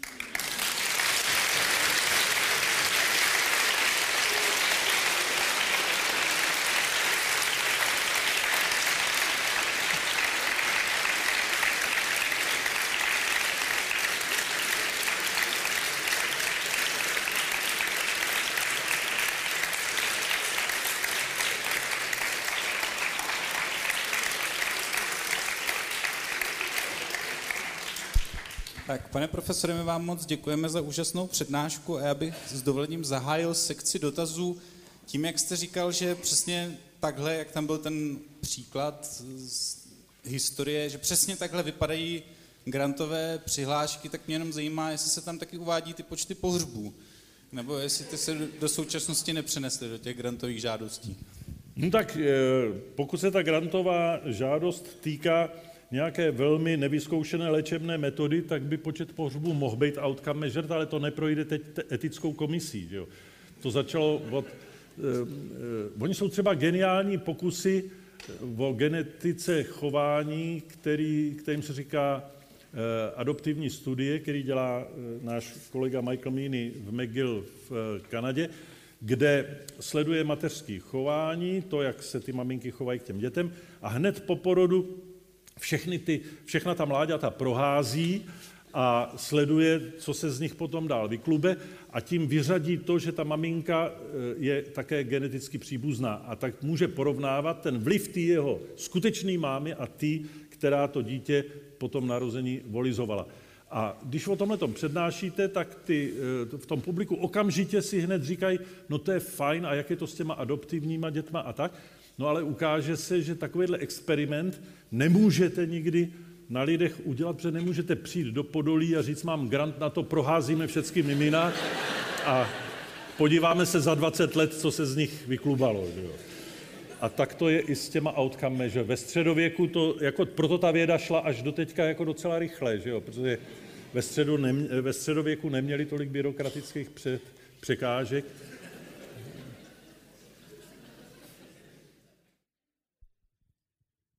Tak, má někdo dotaz z publika? Dobře, tak to zkusíme ještě podpořit jedním dotazem z, inter, z internetu přes Facebook. Je něco, co můžeme dělat proti množství psychopatů v politice a pokud ano, tak co? No, no soustředit se při volbách jednak. E, nevolit je, že jo, to je jedna věc. A druhá věc, já si nemyslím, že jich je Oni, já vím, že eh, ten koukolíka hnízdil a tak to všichni s oblibou říkají, co je v politice psychopatů. A já jsem přesvědčený, že jich tam, to je strašně snadný a ha, ha, ha, ale ono jich tam není o moc víc než v obecné populaci, protože oni víceméně vlastně obrážejí ten eh, populační vzorek, čili málo kdy se stane, že by ta vládnoucí garnitura byla o moc horší než ty, co ji zvolili. A to, to není nic proti ničemu, jo? to prostě je, pojďme si to trošku přiznat, nemůžeme na ně všechno naházet a, a my jsme ty jako svatý, dobrý a kdyby nás k tomu pustili, tak bychom to dělali líp. Nedělali, zase by se, i kdyby prostě, jak říkal Bon v té psychologii davu, i kdyby jednoho dne e, vládli jenom členové akademie, tak druhý den už se rozhádají, začnou se tam rvát, podvádět a tak, jako každý, jako ty nosiči vody, vody protože začnou hájit svoje zájmy. Čili ono je to spíš o charakterech, o povahách a tak a vůbec ne o e, nějakým vzdělání nebo, nedej bože, o duševních nemocech. Ta proporce duševních poruch je stejná napříč celou společností a Eh, je pravda, že některé vlastnosti vyselektují spíš lidi k úspěchu, že takový to obrat ty ostatní, to většinou člověka vyselektuje k tomu, že je úspěšný v biznisu, ale taky není, notabene, ty, ty to vemu vážně, na tohle je studie, kterou dělal dokonce jeden kolega už zesnulý z našeho ústavu, který se věnoval studii tzv. nechtěných dětí. To byla původně studie založená v roce 1.60, která vzala kohortu Eh, dětí, které si maminky přáli a vymodlili si je a stejný počet mečovaných dětí, bylo jich několik set na každé straně, který si maminky nepřáli, eh, zažili takové ten svařák, skákání ze stolu, pokusy o potraty a tak dále. A kritérium té nechtěnosti bylo, že šli, tehdy byly tzv. potratové komise, kdy každá maminka, která chtěla přerušit nebo ukončit těhotenství, tak musela jít před komisi a tam jí to museli povolit. Nebo... Čili každý, kdo až došel k této k tomuhle traumatu, tak to bylo kritérium, že to dítě nechtěli, tam jim to zamítli a to dítě se narodilo. A oni ty chtěný a nechtěný porovnávali a porovnávali je až do jejich 30 let a pak už porovnávali děti těch nechtěných dětí a dívali se, co na obou stranách, takhle notabene vzniknul ten pojem té subdeprivace a ten Koukolikův pojem deprivanti a tak to všechno se odvíjí od tyhle ty studie. A ku podivu ty rozdíly nebyly tak dramatický, Eh, jenom tak pro zajímavost, na začátku eh, toho života po, po narození ty nechtěné děti na tom byly paradoxně trochu líp, jo, protože oni byli zocelený těma svařákama, skákaním ze, ze stolu a tak. Zatímco ty vymodlený s tou serkláží a rizikovým těhotenstvím byly takový chudinky, křehonky, museli se držet při životě. Takže oni byli ty nechtěný ze začátku fyzicky zdravější, pak se to srovnalo pak dlouho mezi nimi nebyl v ničem žádný rozdíl.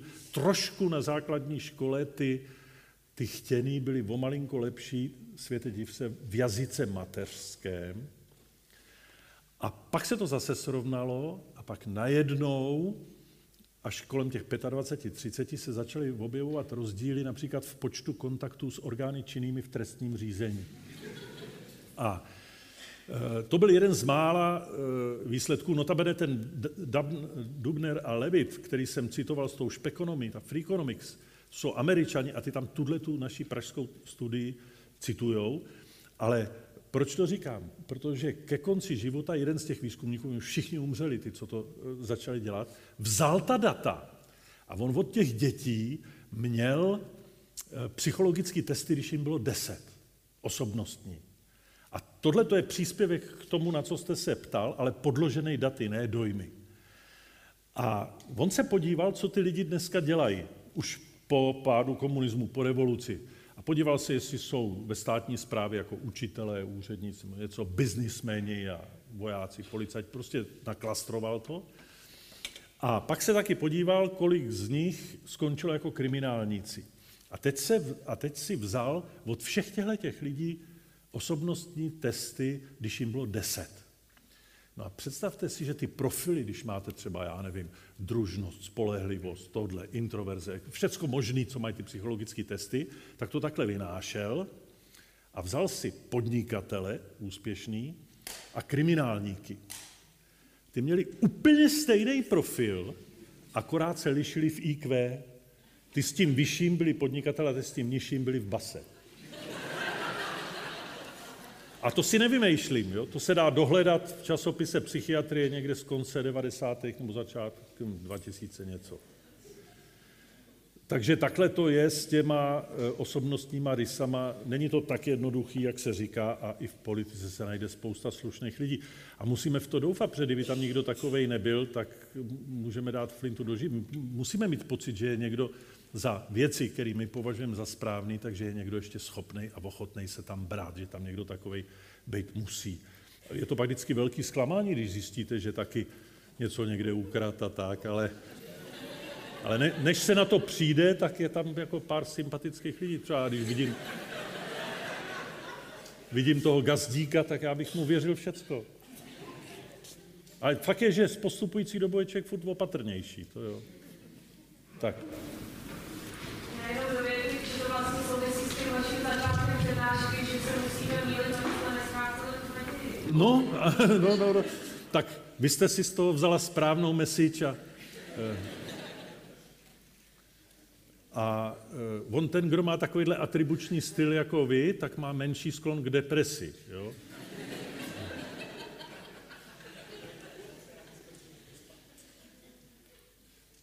Tak já tady mám další dotaz z internetu. Uh, jeden z diváků, když si našel jeden váš výrok, snad to budu citovat přesně. Když... já vím, že to nemáte rád, ale zkusíme to. Eh, když už se někomu daří moc dobře, udělá všechno proto, aby mu to dlouho nevydrželo.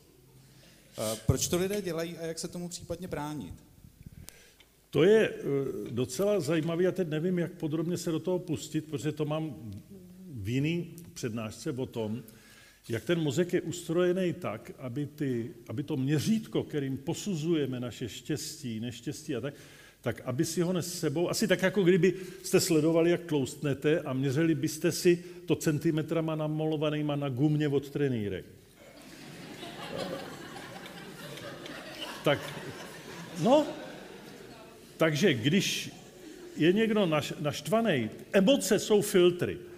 Emoce jsou filtry, které když máte negativní emoci, tak vám filtruje všecko, co se dozvídáte z okolního světla, světa ve prospěch té emoce. To znamená, potlačuje to pozitivní, co by vám tu vaši hypotézu vyvrátilo, a jsme u té imunizace, on to souvisí s tou přednáškou, a zvýrazňuje to, to pozitivní, aby to potvrdilo to, co si stejně myslíte. Jo? On ten, kdo si myslí, že jsou všechny labutě bílí, tak ty černý jako nechce moc vidět. A jde a jako kouká, kde je jaká bílá, aby se utvrdil. A to je o emocích tak. že emoce jsou filtry, které filtrují skutečnost v tom zaměření, eh, které konvenuje té emoci. A když teda někomu, a což je vysvětlení eh, takzvané blbé nálady, když eh, rozdělíte lidi na ty, kteří jsou sami dysforický, naštvaný a tak, a na ty, kteří jsou happy, v pořádku a ukazujete jim obličeje lidí v různých emocích, tak když jim ukazujete vyděšený tváře, tak ty, co jsou sami naštvaný, tak ty vysoce aktivují mozek, což se dá měřit zobrazovacíma metodama, když vidějí vyděšenou tvář. A když vidějí šťastnou tvář, tak ho neaktivují, protože to jim jako ruší tu jejich vyděšenost. Ten. A, a ty šťastný obráceně, ty jako zase neaktivují, když vidějí ty vyděšený a e, svítí jim to tam, když vidějí taky šťastnou tvář. Čili to jde takhle proti sobě. A e, závěr z toho je ten, že když mám blbou náladu, tak mě prostě nikdo nebude říkat, že se mám dobře. Jo? E, takže když vezmete jakýkoliv objektivní ukazatel, jakýkoliv tady na mě zakřičíte, tak se máme vůbec nejlíp, jak jsme se měli kdy v dějinách. Střední dílka života nejdelší, dětská umrtnost nejnižší. Vemte si životopisy všech v 19. století, Dvořáka, Smetany, kohokoliv. Polovina dětí umřela, se nedožila školního věku. To kdyby dnes, kdo si ty máme vůbec nedovedou představit. Eh, nahážete to do myčky a do pračky. Vemte si, že by prostě musela vzít vědro s vodou, s prádlem na hlavu a jít k potoku na valše. Jo, všecko. To, jak dlouho pracujete na pecen chleba, jak dlouho pracujete na džbánek piva, tak všecko je nejlepší v dějinách. A přesto, kdybyste šli do nějaké hospody, tady čtvrtý cenový kategorie a tohle to tam řekli, že, těm strejcům, že se mají nejlíp v dějinách, tak, tak, po, tak ale prosím vás, pak na té traumatologii, na chirurgii neříkejte, že jste se to dozvěděli na mé přednášce. Protože tu, tu emoci tam má zároveň i ten benchmark, takže ty kluci s těma hladovými bříškama někde eh, v těch pueblech v Brazílii, v těch favelách, tak ty eh, jsou stejně šťastní jako ty kluci v těch drahých adidaskách tady někde na vesnici, protože prostě celý ten reference frame si nesou sebou a eh, strašný je, ono je to hrozný o tom takhle mluvit, ale já jsem mluvil s několika přeživšíma holokaust a Oni mě vykládali, že v té hrůze, že jo, kdy vyvraždili celou rodinu v tom koncentráku, ale že si tam taky užili srandu a lásku a divadlo hráli a tak. A celý se to posunulo prostě na úplně jinou úroveň, protože ten člověk, aby přežil, tak se snaží na to, v čem je, vždycky nějak zadaptovat. A proto má tenhle ten omylný mechanismus, že se, a jsme zase u začátku ty přednášky, že se omylně cítí líp, než odpovídá jeho situaci, jenom proto, že v tom je určitý zdroj motivace to nějak překonat a přežít. Jo. A, a samozřejmě, že ne vždycky se to daří, často se to vůbec nezdaří, no a to jsou pak ty na těch antidepresivech. Jo. Ty to naopak vidějí všecko černě. Hm? Chviličku vydržte, předáme mikrofon.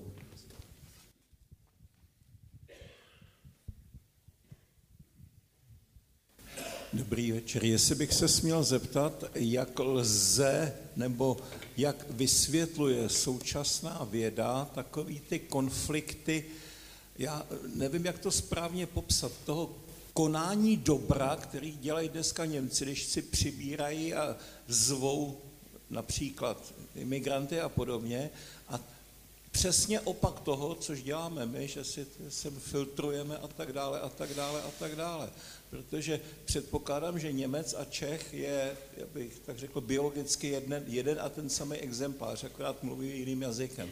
Ale tyhle ty myšlenkové pochody jsou úplně jiný. Jo, ale Němec a Čech má jinou nedávnou historii, která sahá, řekněme, do poloviny minulého století a ten Eh, mindrák z toho nacismu a z toho holokaustu, ten tam prostě pořád a přenáší se do dalších generací. Na to jsou dokonce studie na ten přenos, jak u těch obětí, tak u těch pachatelů.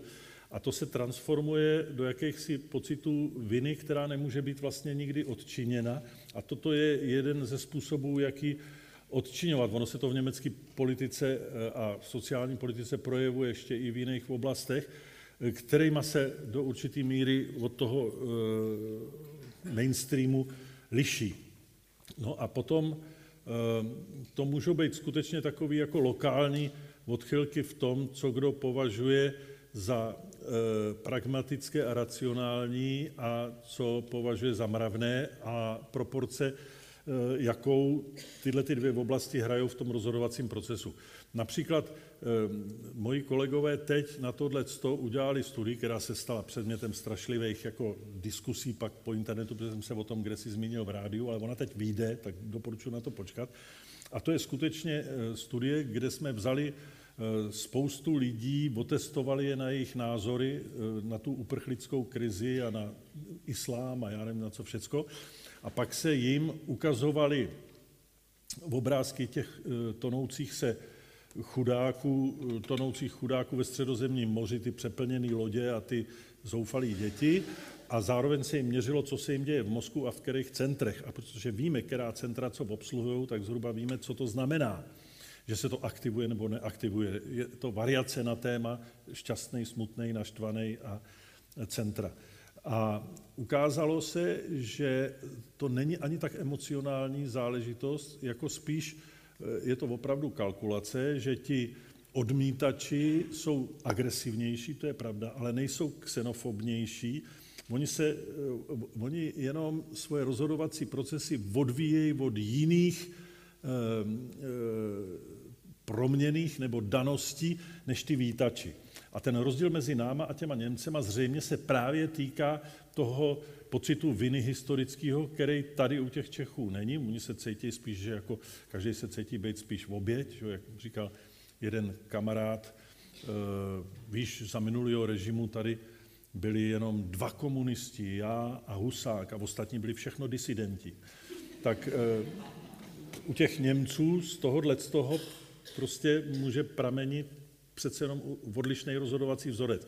Ale pak, když vás to zajímá, tak určitě my to dostaneme někam do médií, ale chcem to udělat tak, aby to, protože oni se toho hned chytějí ty okamurovci a tak, eh, chcem, aby eh, to bylo interpretovaný tak, jak to bude publikovaný v celé šíři, protože vždycky z toho někdo něco vytrhne, tak je té pravdy jen část, ale chcem, aby to bylo dostupné a tam bude širší odpověď na tuhle vaši otázku. Ale tohle si myslím, že je jeden z těch aspektů toho rozdílu mezi náma a Němcema.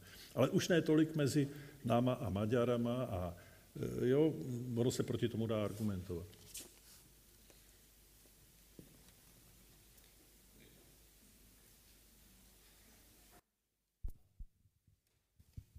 Dobrý večer, jenom bych se chtěla zeptat, jak jako e, psycholog, jaký výsledek očekáváte prvního kola prezidentské volby? No já nevím, no tak uh, můžu to odhadovat, ale je to takový nefér, protože oni to publikují všechny ty sáskové kanceláře, takže to první kolo je docela lehký, to vypadá na pořadí Zeman Drahoš, i když ten Topolánek to dotahuje. A to vůbec nesouvisí s tím, kdo vám je nejsympatičtější. Jo? Čili já doporučuji v, první vole, v prvním kole volit toho, kdo vám je buď nejmilejší, což se může stát, nebo nejméně nepříjemný, abyste byli v souladu se svým svědomím, a pak počkat a v druhém kole už to bude jasný. Že jo? Čili v tom prvním to neskazíte a v tom druhém vám nic jiného nezbyde.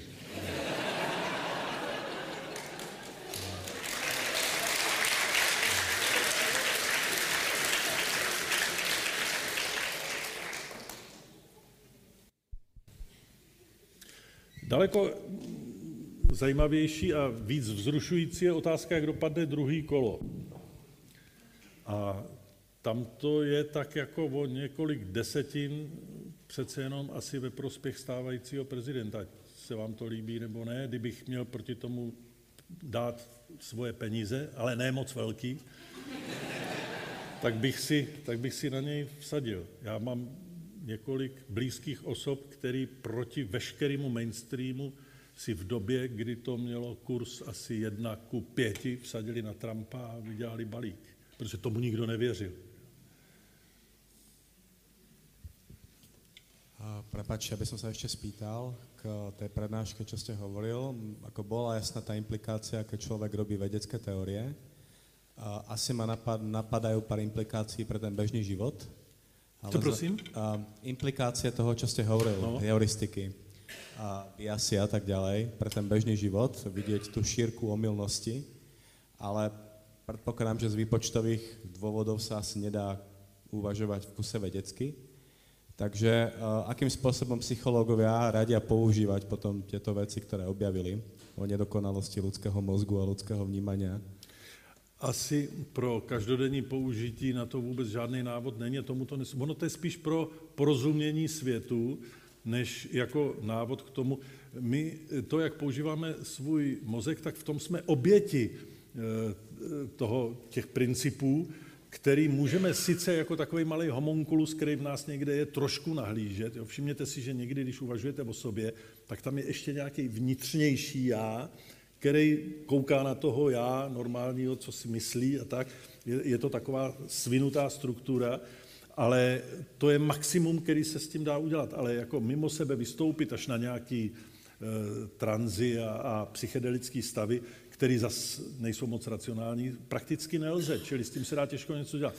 Pakliže sebe chcete nějak měnit, tak jedině ne, jako když se učíte cizí jazyk nebo hrát na housle nebo něco jedině trénovat, že nějakým KBT, když máte úzkosti, jak se můžete odnaučit, ale to jsou poměrně triviální věci, jinak se sebou nic markantně neuděláte. Kdyby to totiž šlo, nebo to bylo snažší, no tak už bychom byli ideální společnost, že Do toho by každý šel. Ale malinká podotázka, jsou psychologové efektivnější? Ne, vůbec.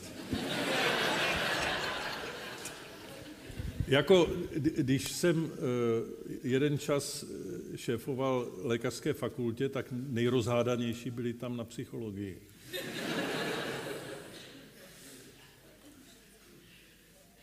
Se chodili vzájemně pomlouvat a tak.